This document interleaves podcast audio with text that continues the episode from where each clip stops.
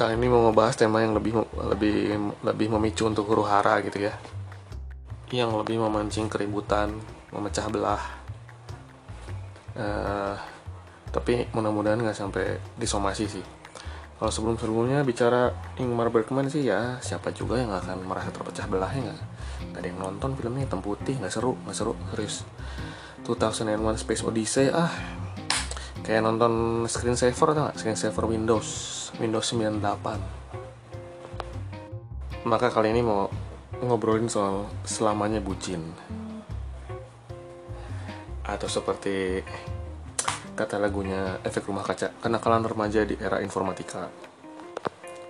Ini sebenarnya saya nggak bisa mengklaim bahwa saya mendasarkan ini berdasarkan penelitian ilmiah dalam sebuah jurnal atau misalnya udah ada survei yang lebih sahih gitu. Enggak tapi ini lebih kepada mengamati yang di sekeliling aja gitu. Bener atau enggak berlaku pada semua orang nggak tahu juga. Apalagi kalau ngeliat di media sosial itu kan suka ada uh, situs-situs fanpage komedi gitu yang uh, membagikan berbagai macam screenshot screenshot uh, tingkah pola manusia dalam berhubungan dengan sesamanya. Yang menurut saya itu sangat menarik gitu ya. Dengan tema selamanya bucin.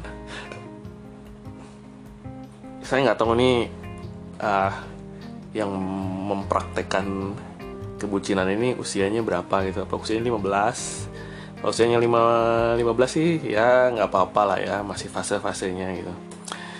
Kalau usianya 35 sih waduh pertanyaan ya. Nggak nggak nggak. Saya nggak mau terlalu terlalu mengkotak-kotakan gitu. Siapa pun boleh merasa bucin bucin itu hak dan kewajiban. Apalagi kalau kita bicara soal posesif. Nah, ini penting.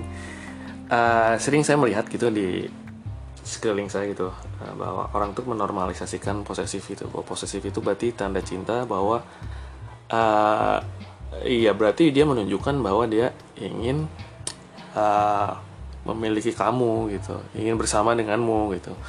Walaupun sebenarnya ini nggak ada klasifikasi atau kadar possessiveness gitu yang ya misalnya dari 0 sampai sekian derajat Kelvin itu apa atau sekian derajat Fahrenheit sampai sekian itu apa ini sesuatu yang sangat sumir ya sesuatu sangat ambigu bervariasi. Tiap orang beda budaya beda usia beda.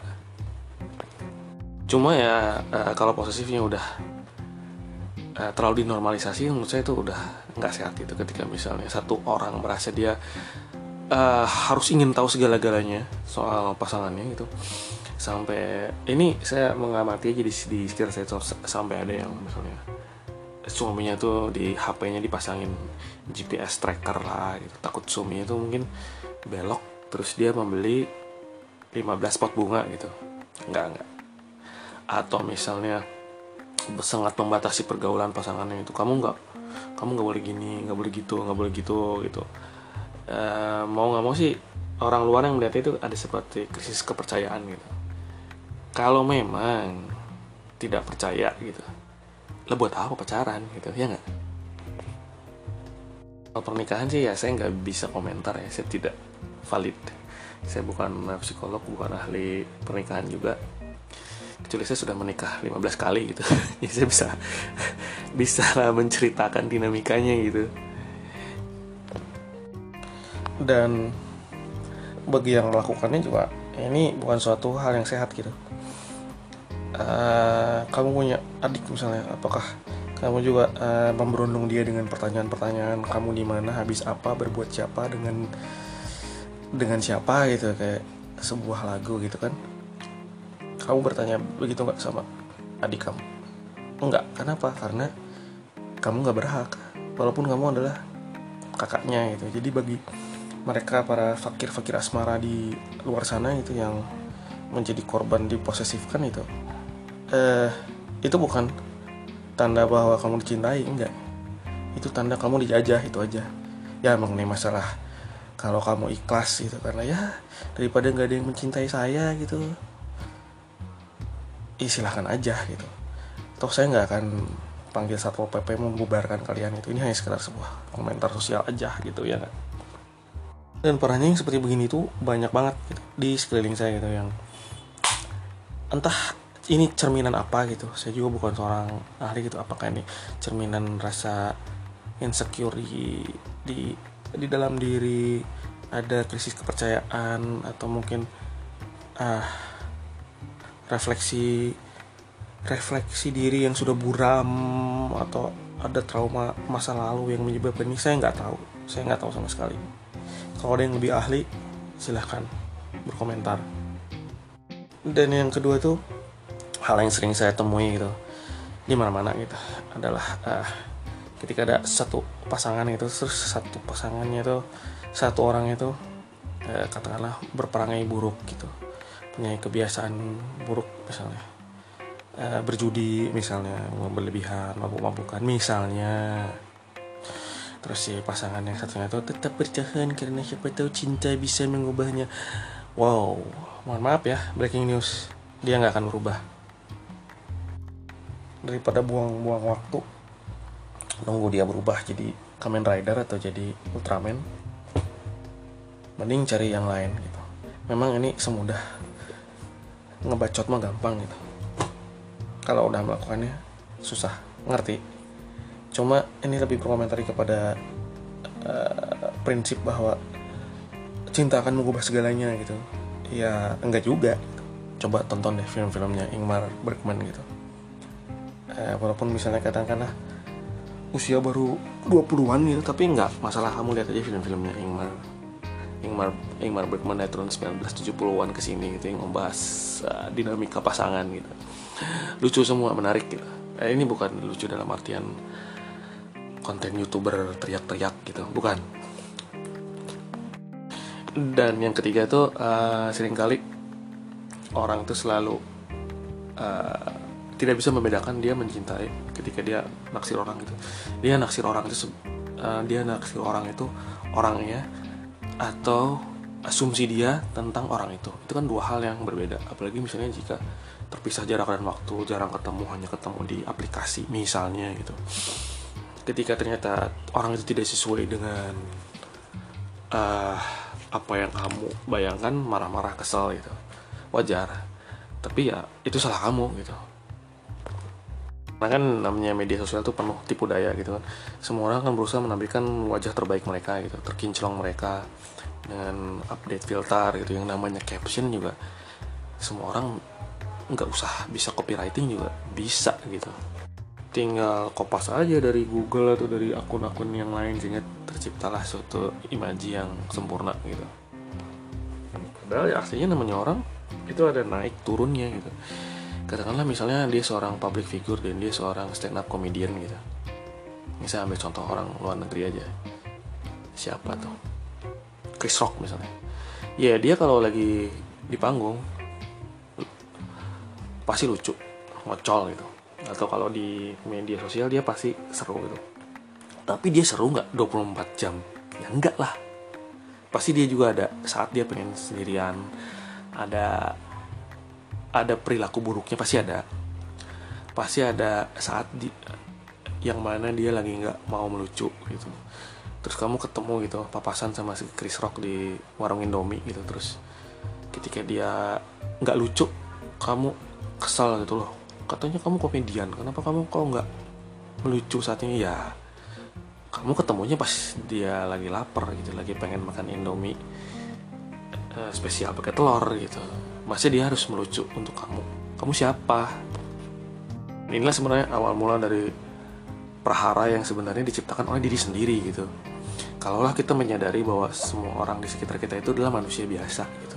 Yang ada saat-saat dia bahagia, ada saat-saat dia kesal, ada saat-saat dia lagi pengen diem, ada saat-saat dia lagi nggak mau berkomunikasi dengan siapa pun. Maka harusnya perhara uh, kekesalan, kekesalan. Kok dia begini, kok dia begitu tuh nggak usah ada, ya nggak.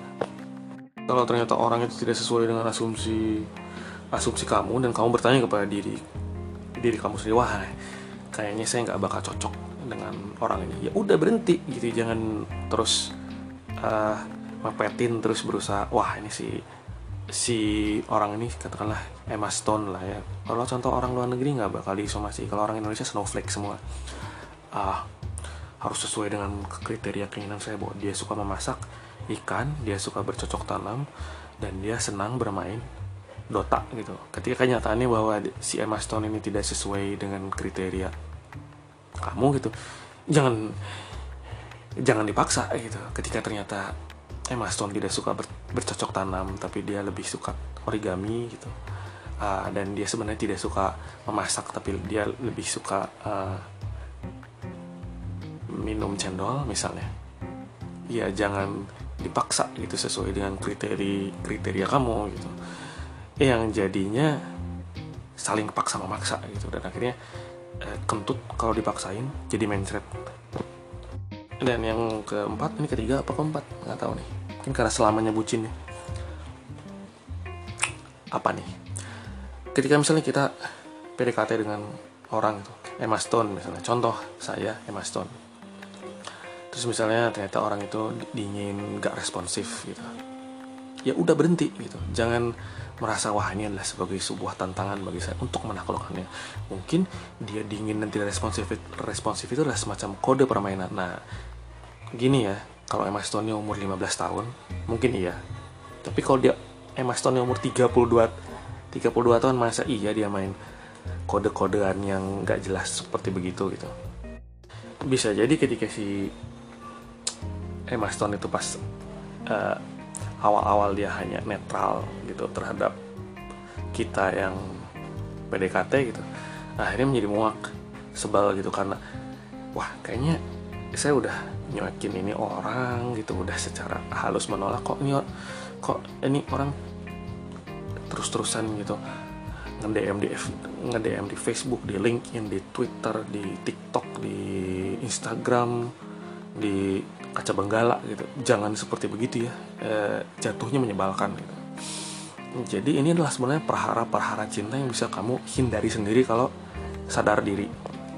Tapi juga ya ini kan ada sisi lain ya. Kalau kamu masih ya di bawah 25 wajar lah mencetak kesalahan-kesalahan seperti ini kebodohan-kebodohan seperti begini gitu karena memang fasenya gitu apalagi masih umur 14 15 gitu. Masih melakukan kebodohan-kebodohan gitu masih melakukan masih misalnya ketika PDKT dengan orang itu tidak menjadi diri sendiri malah menjadi orang lain gitu. Wajar kalau masih umur segitu tapi kalau udah di atas 25 ya nggak tahu juga ya pertanyaan gitu bagi saya gitu. Emangnya masa lalunya nggak pernah belajar sesuatu gitu kan? Dan ini kan bukan bukan materi jurnal ilmiah loh. Ini tuh bukan sesuatu yang harus kamu harus sekolah di MIT gitu kan. Itu pertanyaan gitu. Bikin konten seperti ini sebenarnya ngeri ngeri sedap sebab saya tahu ini potensi huru haranya besar gitu. Karena ini sesuatu yang sangat universal ya. Dan apa pun perbedaan yang ada dalam diri kita gitu entah perbedaan kepercayaan perbedaan selera berdiaduk atau enggak diaduk ada ada satu kebenaran absolut yaitu we all fall in love with someone we cannot have. Terima kasih sudah mendengarkan.